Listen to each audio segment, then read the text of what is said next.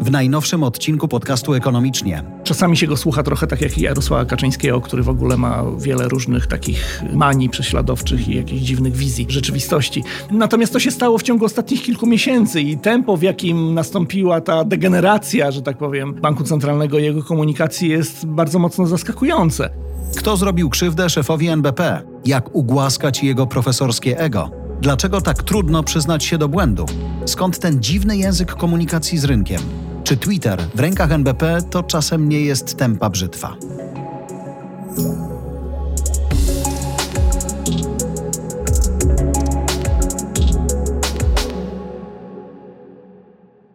Powiem Ci, że im dłużej czytam o tym, jak ekipa Twitterowa NBP, jak sam szef NBP są oceniani w różnych miejscach sieci, to zaczynam im powolutku współczuć, ale jak tylko czuję, że im współczuję, to przestaję, bo sami się proszą.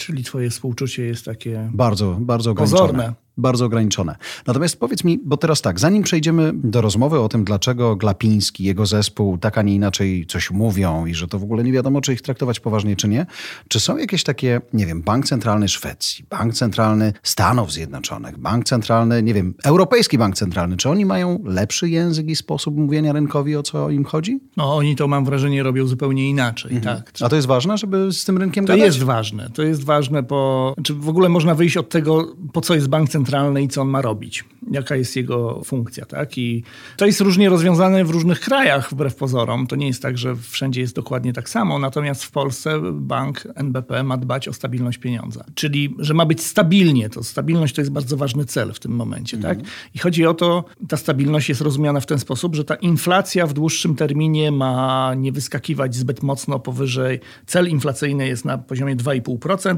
ale jest napisane, że może się odchylać o 1 punkt procentowy w górę i w dół, czyli tak naprawdę inflacja ma być między 1,5 a 3,5. No to Jak jest między 1,5 a 3,5, to jest ok, nie trzeba nic robić. Tak. Zwłaszcza nie trzeba nic robić, kiedy prognozy wskazują, że tak będzie jeszcze za rok, za dwa lata i tak dalej, mhm. i tak dalej, prawda?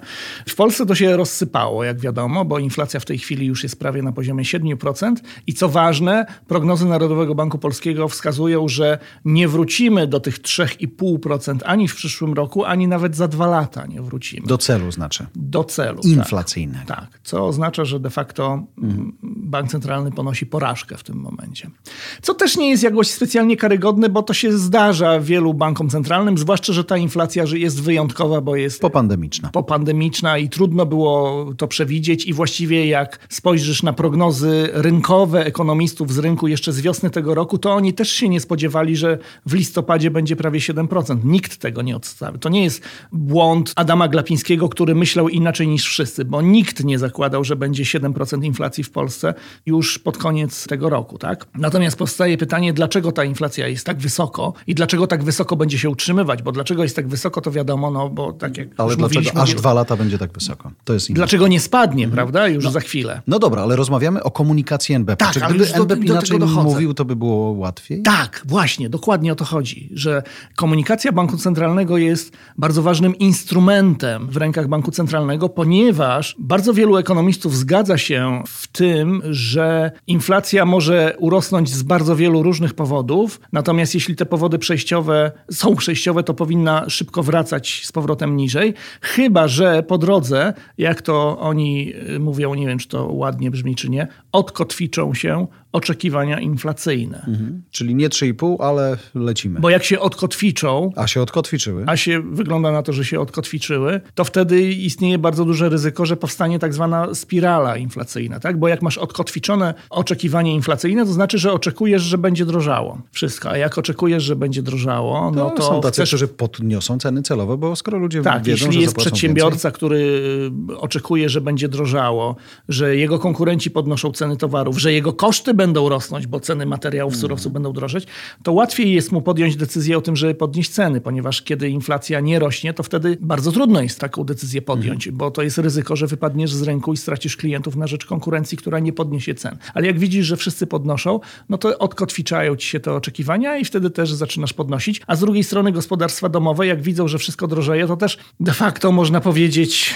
chociaż jest to przygnębiające, ale można powiedzieć, że się przyzwyczajają do tego, tak? że wszystko drożeje. No ale to nie są z tego zadowoleni, narzekają na to, ale jakby staje się to dla nich taką nową normalnością, tak? I w związku z tym Choć wiesz, to też jest do czasu, no bo jeżeli zaczynasz widzieć, że no dobra, jest duża inflacja, ale zaczynasz rozumieć, że duża inflacja, no to tak naprawdę jest mniej pieniędzy w twoim portfelu po prostu, no. To nic innego nie znaczy. Tak, masz rację. W pewnym momencie dochodzimy do jakiejś tam ściany, kiedy ludziom zaczyna brakować pieniędzy i jak mają mniej pieniędzy, no to zaczynają mniej wydawać i wtedy w sposób naturalny, jak gdyby ta inflacja powinna się cofnąć, prawda? No bo nie ma tych pieniędzy.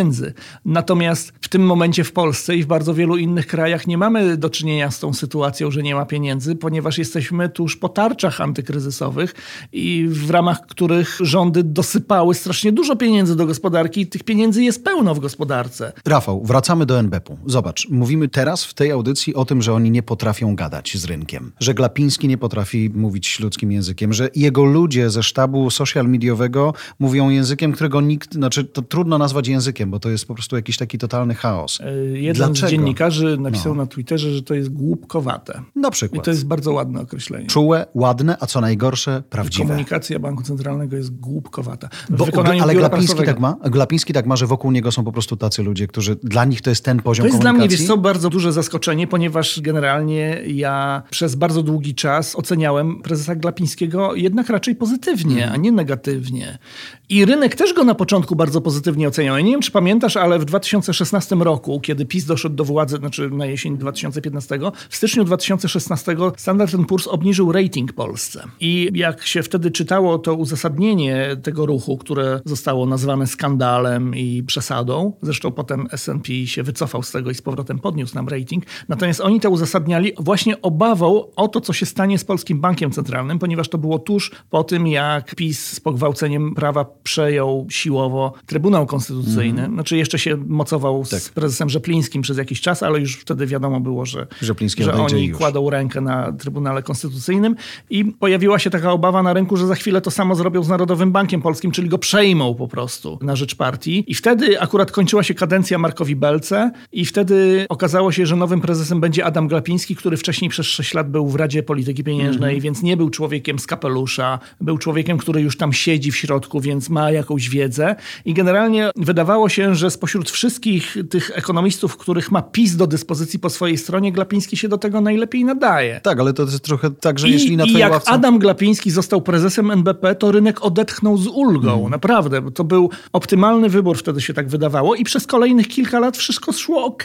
Znaczy w pewnym momencie zaczęła ta inflacja rosnąć, ale ona nie rosła ze względu na politykę monetarną, bardziej ze względu na to, co rząd robił, który tam ciągle dosypywał tych pieniędzy przez politykę fiskalną. I wtedy prezes Glapiński mówił, że nie będziemy podnosić stóp procentowych, bo nie ma takiej potrzeby. I wtedy pewnie niektórzy się krzywili, ale to naprawdę to był drobiazg. No dobra, to tak? co się mu Szczegół. stało takiego, że dzisiaj właśnie mówi rynkowi, a ja robię to celowo, tu was oszukuję celowo, puszczają tweeta, że interweniowali na rynku, za chwilę go kasują. On sam jest tak, mam wrażenie, arogancki w relacjach z dziennikarzami, czy w ogóle z tym umownym rynkiem, że to po prostu zgroza. Jakby, że nawet w warstwie kultury nie wypada. Ja ci powiem, ja mam problem, jeśli chodzi o to, co się z nim stało. No to wygląda tak, jakby po prostu on nie był w stanie się pogodzić z tym, że popełnił błąd. Bo właściwie w tej chwili wszyscy widzą, że on popełnił błąd i on jakoś tak brnie, mam wrażenie. Nie wiem po co i nie wiem dlaczego, ale nie jest w stanie wycofać się w jakiś sposób, tak pozamiatać, wyczyścić to, że okej, dobra, pomyliliśmy się, wiele osób na całym świecie się pomyliło, mało kto przewidział, że będzie tak jak będzie, pomyliliśmy się, ale teraz już robimy dobrze, a on jakoś tak, zostały mu jakieś zadry, tak, z tego powodu i staje się przez to agresywny na tych swoich konferencjach prasowych i zaczyna wymyślać jakieś takie dziwne, niestworzone historie. Czasami się go słucha trochę tak jak Jarosława Kaczyńskiego, który w ogóle ma wiele różnych takich manii prześladowczych i jakichś dziwnych wizji rzeczywistości. Więc tak, natomiast to się stało w ciągu ostatnich kilku miesięcy i tempo, w jakim nastąpiła ta degeneracja, że tak powiem, Banku Centralnego i jego komunikacji jest bardzo mocno zaskakujące. Na czym polegał jego błąd? Jego błąd nawet nie polegał na tym, że on nie podnosił stóp. Bo tak jak mówiłem, bardzo wielu ekonomistów mówiło, że rzeczywiście nie ma potrzeby, żeby je podnosić. Poza tym, tak jak on dzisiaj tłumaczy, jakbyśmy podnosili stopy za wcześnie, to byśmy zabili odbicie gospodarcze i wtedy mielibyśmy wolniejszy wzrost gospodarczy w Polsce, co też nie wszystkim by pasowało. Dzisiaj ludzie się denerwują na inflację i mówią, że inflacja zabiera im część oszczędności, że część dochodów im zabiera. Natomiast niektórzy z nich, gdyby podnieść szybciej stopy procentowe, nie mieliby w ogóle żadnych dochodów dzisiaj, bo by stracili pracę. Jasne, przykład, też nie? mówimy rzeczywiście o tym w momencie, kiedy bezrobocie jest Więc od tej niskie. strony mam wrażenie, że prezes Glapiński nigdy nie popełnił jakiegoś poważniejszego błędu. Natomiast błąd polegał na tym, że on w pewnym momencie zaczął twierdzić, nie do końca profesjonalnie zaczął obchodzić stoł, to się nazywa po angielsku forward guidance, czyli to jest taki instrument, że bank centralny zapowiada, co będzie robił za kilka miesięcy, zapowiada, co będzie robił w przyszłym roku, po to, żeby rynek miał pewność, miał jakąś ścieżkę wyznaczoną. To potem oczywiście, jak się zmienia sytuacja, to można jakoś tam zmienić, ale trzeba przy tym uważać, żeby po drodze nie zmieniać tego zbyt często, no bo na szali jest wiarygodność takiego banku centralnego, który jak zacznie skakać z prognozami z kwiatku na kwiatek, to stanie się niepoważny, prawda? Więc trzeba to robić umiejętnie. A prezes Glapiński przez bardzo długi czas twierdził, że w ogóle nie będzie żadnych zmian stóp procentowych do końca 2022 roku. Jeszcze na wiosnę tego roku twierdził, że na 100% jest przekonany. I moim zdaniem zrobił to zupełnie niepotrzebnie. Znaczy nie musiał tego tak dobitnie podkreślać, że to się na pewno nie stanie, ponieważ w tym momencie położył na szali swoją własną wiarygodność. Tak? Jeśli bym, gdyby mówił, że patrząc na to, co się dzisiaj dzieje, wydaje nam się, że istnieje Jasne. duża szansa na to, że nie będziemy zmieniać stóp procentowych, ale jakby się coś zmieniło, to może je zmienimy. Tak? To rynek też by skumał wtedy, o czym on mówi, natomiast to nie byłoby tak jednoznaczne. No, Czyli nie umie być dyplomatą. Tak, okazało się, że, że tutaj się przejechał. No i wiesz, i potem zaczęła narastać ta sytuacja, że ta inflacja rośnie coraz szybciej, coraz szybciej. W tym momencie co on ma robić? Wycofać się szybko, czy może trwać przy tym, bo może za chwilę ta inflacja znowu spadnie mhm. i wtedy on wyjdzie i powie, a nie mówiłem? Wszystko jest tak, jak mówiłem, tak? Nie trzeba było podnosić stóp procentowych.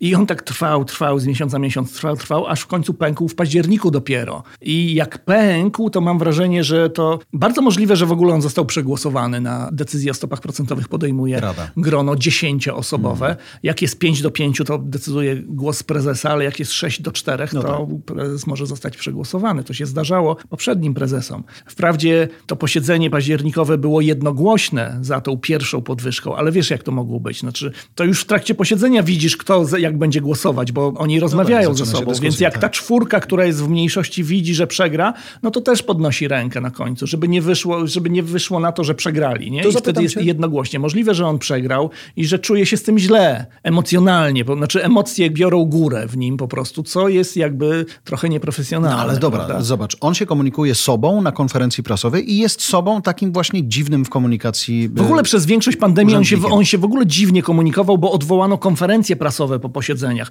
On pisał jakieś artykuły. Tylko zobacz, dzisiaj ma jeszcze tego cholernego Twittera, na którym ktoś robi rzeczy w tak. imieniu NBP w taki sposób, że to jest kompletnie nieprofesjonalne, ale jednocześnie dzisiaj jest to narzędzie, w którym wiele agencji informacyjnych, dziennikarzy jakby używa go do po prostu komunikacji. Więc jeżeli oni robią to tak infantylnie, czy tak głupkowato, no to cholera, to jest jakby nie było psucie marki NBP. No. Nachodzą na siebie dwie różne komunikacje, ponieważ bank centralny jest bardzo specyficzną instytucją pod tym względem, ponieważ generalnie każde przedsiębiorstwo i każda firma prowadzi jakąś tam komunikację ze swoimi odbiorcami, mhm. klientami, mhm. partnerami biznesowymi. I to jest komunikacja dotycząca wizerunku tej firmy. Natomiast bank centralny jest w tej specyficznej sytuacji, że musi prowadzić komunikację nie o sobie samym, tylko o tym, co się na rynku będzie działo. I to też jest zupełnie inna, osobna komunikacja, tak? Natomiast konto na Twitterze biura prasowego, to też jest ciekawe, to nie jest napisane Narodowy Bank Polski, to jest biuro prasowe tak. Narodowego Banku Ale Polskiego. mam wrażenie, że tam jest cały I czas tak, ono... tak, jakby ktoś się cholera nie przelogował. Nie? Tak, sprawdziłem, ono zostało założone dopiero w lutym tego roku. Nie wiem po co zostało założone. I tam leci komunikacja, która już nie dotyczy, to nie jest ta sama komunikacja, którą uprawia Rada Polityki Pieniężnej, ponieważ tam w ogóle nie chodzi o politykę pieniężną. Tak, tam chodzi o polowania na przykład. Tam są, tam są takie kwestie, że prezes udzielił wywiadu, Dokonał że jakieś tam odznaczenie. I to też właściwie można by powiedzieć, że to byłoby niegroźne zupełnie. Z punktu widzenia uczestników rynku byłoby to zupełnie nieistotne. Można by to w ogóle pomijać, bo to jest komunikacja na inne tematy. Zupełnie, tak? Natomiast w pewnym momencie, jak się okazało, że prezes Glapiński ma problem z tym, że musiał się wycofać z wcześniejszego błędu, tak? I poniósł jakąś tam porażkę pewnie. Być może traktuje to jako swego rodzaju porażkę prestiżową. Musisz też wziąć pod uwagę, że on jest profesorem i on jest wykładowcą i wszyscy, którzy go znają, mówią, że on uwielbia wykładać. Nawet jak się słucha tych jego konferencji, to brzmi jak wykład na temat ekonomii. Czyli huknęło go w ego i nie może się ogarnąć. Tak, tak. Tylko zobacz, no. Tak mi się wydaje. Natomiast mi się nie wydaje, żeby on zarządzał tym, co się dzieje na koncie twitterowym, żeby wydawał im jakieś tam polecenia. Natomiast to no możliwe, wiesz, że to jest taka ewentualnie powiedzieć, której... ej, słuchajcie, przeczytałem, to jest wstydliwe, nie róbcie tego, ale to się dzieje, nie? Natomiast wiesz co, Rafał... Oni się w pewnym momencie uspokoili, możliwe, że tam doszło do takiej rozmowy, bo oni w tym momencie, w którym tam zaczęli pisać o tych tam polowaniach, polowaniach no. i pamiętasz, jak to dokładnie dokładnie szło. Tak, że ktoś pamiętam. spuścił... Ogary Ogary jakieś? poszły w las. O, Tak, tak, i, tak. i się tam zaczęło polowanie, wiesz, a potem zobacz- by jeszcze zrobili sondę, kto jest królem polowania No i tam był Nie, no to Donald, Kolargol. Wiesz, można się z tego śmiać, ale moim zdaniem to Nie, było ewidentne nie. nawiązanie do Donalda Tuska, co w ogóle jest skandaliczne, bo to oznacza, że instytucja banku centralnego angażuje się w bieżącą politykę, bo rzeczywiście Tusk powiedział wcześniej, że Glapińskiego powinno się odwołać i go mocno krytykował. Rafał, no Tylko zobacz- on jako polityk, znaczy moim zdaniem akurat Donald Tusk też nie powinien tego robić w ten sposób. To też było nieprofesjonalne z jego strony, no ale on jest politykiem Jasne. i można położyć na Tylko zobacz, a już- propos angażowania się, co by się nie działo na tej naszej wschodniej granicy? Wypuszczanie monety takiej doraźnej, bo coś się dzieje na granicy też jest absurdalne. I teraz ktoś powiedział, wiadomo dlaczego Glapa to robi, bo za chwilę będzie przecież przedłużanie jego kadencji. Czy jest jakiś... Tak, on ma kampanię no właśnie, Czy jest teraz. jakiś inny kandydat w ogóle? Wiesz co, no oficjalnie nie ma, natomiast y, jak rozmawiałem z paroma ekonomistami na Twitterze, to oni y, zwrócili mi taką uwagę, że generalnie kandydata wskazuje prezydent, czyli Andrzej Duda, a w Radzie Polityki Pieniężnej zasiada też trzech członków wskazanych przez prezydenta, bo tam trzech wskazuje Sejm, trzech Senat i trzech prezydent. Więc jest trzech członków wskazanych przez prezydenta. Adam Glapiński trafił do Rady Polityki Pieniężnej, bo wskazał go Lech Kaczyński jeszcze kiedyś, nie? więc też był tym kandydatem prezydenckim. I teraz tym kandydatom prezydenckim dwóm z trzech kończy się kadencja w lutym i usłyszałem od jednego z ekonomistów, że właściwie mogłoby być tak, że prezydent nie wskazuje Adama Glapińskiego, bo wtedy powstaje oczywiście pytanie, no ale jak nie Glapiński, to kto? I on właśnie mówi, no może właśnie jeden z tych dwóch, którym się właśnie kończy kadencja, którzy byli wcześniej w tej Radzie Doradców Ekonomicznych przy prezydencie Dudzie. Jednym z nich jest profesor Łukasz Hart, który też założył sobie konto na Twitterze dość niedawno i powiem ci szczerze, No jak sobie wszedłem na to konto i zacząłem czytać te tweety, to faktycznie nabrałem, znałem takiego wrażenia, że to też trochę brzmi jak kampania wyborcza. Bo tak właściwie Łukasz Hart pisze takie rzeczy, jakby to on się w imieniu całego NBP komunikował z rynkiem. I on to robi w sposób bardzo dobry i profesjonalny. Byłoby super, gdyby prezes Glapiński w ten sposób się komunikował. Jak sobie popatrzysz na to konto Łukasza Harta i on tam jest w sposób jasny, rzeczowy i przejrzysty, wszystko wytłumaczone. Więc może rzeczywiście jest coś na rzeczy. Oczywiście poza tym, no wiesz, jest giełda nazwisk mówi się o tym, że na przykład Adam Lipiński, czyli kolejny Ojej. człowiek z PiSu, y, znany głównie z tego, że kiedyś miał jakieś tam propozycje wobec Renaty ale on- Beger no bo- w- On zobacz, jest on by- wiceprezesem Narodowego Banku Polskiego, Ale jest zobacz, wiceprezesem od roku. A jakby on usiadł z takim euro i zaczął z nim negocjować tak jak z Renatą Beger wtedy, to by wynegocjował. No. Mówię ci, to jest bardzo dobra To jest, kandydatura. kwestia, to jest kwestia tego, jak duży wpływ na Ale to, kto zobacz. zostanie prezesem ma Jarosław Kaczyński, a jak duży wpływ na to, kto zostanie prezesem w nowej kadencji ma Andrzej Duda. Wiem, że bardzo dużo ludzi, którzy nie lubią PiSu, twierdzą, że to jest wszystko jedno i to samo i że tam wszystkim rządzi Jarosław Kaczyński w sposób absolutnie bezwzględny i niepodważalny. Natomiast nie byłbym do końca tak pewien. Jak się patrzy na losy różnych ustaw w Sejmie, to widać, że czasami Kaczyńskiemu nie wychodzą różne rzeczy, więc to nie jest tak, że wszystko, co on powie, staje się natychmiast No tak, ale zobacz, dzisiaj mówimy- A z drugiej strony Duda już o nic nie walczy, to jest jego druga kadencja właściwie, więc on może mieć taką ochotę, żeby pokazać, że jest Chociaż niezależny. raz. Ale Że? A akurat kwestia obsady w Narodowym Banku Polskim jest taka, że to nie są ustawy o ustroju sądu. Ustawy nie, ale zobacz, ostatni rok to było jakby, oni mogą tak się zabawić tymi walutami, że na przykład mogą dać parę ładnych miliardów do budżetu, prawda? Więc to też jest ważne, że jak masz y, rząd tak, w jak kryzysie, się- to taki jak NBP może ci złoty na koniec no. roku, tak, Albo tak. jak go osłabisz. No tak, tak, No. tak. Jak to, żeby przelać Celowo. miliardy do budżetu, to złoty się musi Więc osłabić. tutaj na możesz rządowi zrobić ładną niespodziankę. Także to piechotą nie chodzą takie miliardy. No tak, ale ten koniec roku to jeszcze będzie pod rządami Adama Glapińskiego, bo jemu się kadencja kończy w czerwcu dopiero przyszłego roku, więc tutaj akurat to jest poza tą kwestią, kto zostanie prezesem. To, to jeszcze pół roku takiej komunikacji, to jest takie, ja, ja mam taką kampanię wyborczą i teraz przez pół roku będę wam mówił, co myślę w taki, a nie inny I wiesz, i to jest niestety, my wszyscy za to możemy płacić w ten sposób, że jak za chwilę dojdzie do takiej sytuacji, że trzeba będzie ratować złotego, bo on już się naprawdę zacznie osłabiać w sposób niebezpieczny i trzeba będzie coś robić na rynku z tym złotym, no to te interwencje będą nas kosztować i polską gospodarkę też, a mogłoby do tego nie dojść, gdyby ta komunikacja wcześniej była lepsza i profesjonalna, ponieważ tak jak mówiłem na początku o tych oczekiwaniach inflacyjnych, które się odkotwiczają.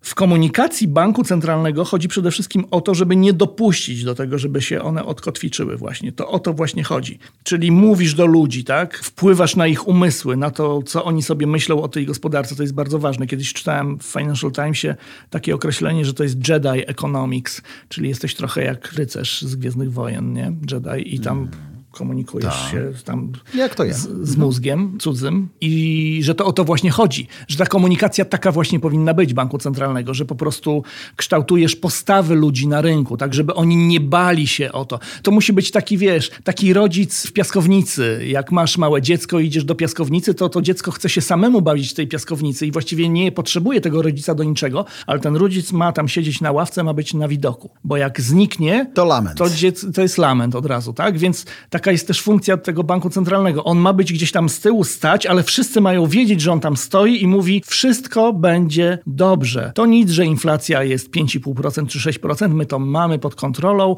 mamy różne instrumenty, będziemy reagować. Nie martwcie się o to, widzimy to, widzimy, że się boicie, głaszczemy was po głowie, nie dopuścimy do tego, żeby wam się stała jakaś krzywda, wszystko będzie dobrze. I wtedy, oczywiście, że nie wszyscy w to uwierzą, ale odpowiednio dużo firm czy też gospodarstw domowych poczuje się lepiej z tym po prostu i nie będą wpadać w jakąś przesadę, w jakiś popłoch w związku z tym, że nagle będzie za chwilę dwucyfrowa inflacja. A w tej chwili mamy, wydaje mi się, że zaczynamy mieć taki popłoch, tak, że zaczynają się pojawiać jakieś tam prognozy, że będzie inflacja powyżej 10% i to zaczyna wyglądać niebezpiecznie. I to wszystko to jest właśnie wina złej komunikacji albo momentami właśnie braku komunikacji. Bo to, że inflacja urosła, to rzeczywiście niewielki mamy na to wpływ, że ropa naftowa drożeje albo że nie jest za mało gazu w Europie. Natomiast to, jak się kształtują nasze oczekiwania, to już jest odpowiedzialność Banku Centralnego i Bank Centralny zawalił to na amen. Właśnie, jeżeli u podstaw nie masz zaufania, a trudno teraz o zaufanie do kogoś, kto tak się komunikuje, tak się zachowuje,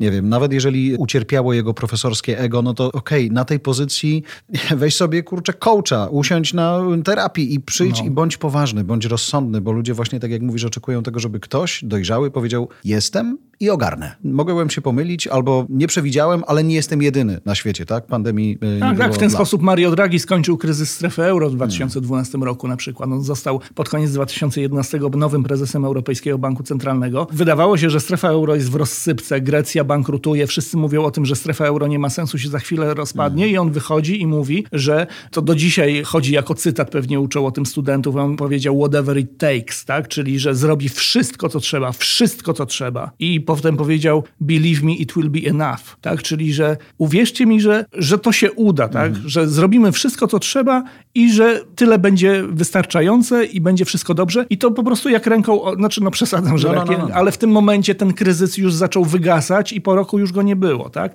Tego typu komunikacja rozwiązuje bardzo dużo problemów na rynkach finansowych, tylko trzeba, rzeczywiście to, co mówisz, trzeba mieć dużą wiarygodność, nie zszarganą jeszcze. Mario Draghi był świeżutki na, na tym fotelu wtedy, Mhm. więc nikt nie mógł mieć tutaj żadnych zastrzeżeń do niego. No a po drugie, trzeba pokazać taką determinację jednak i wtedy to działa rzeczywiście.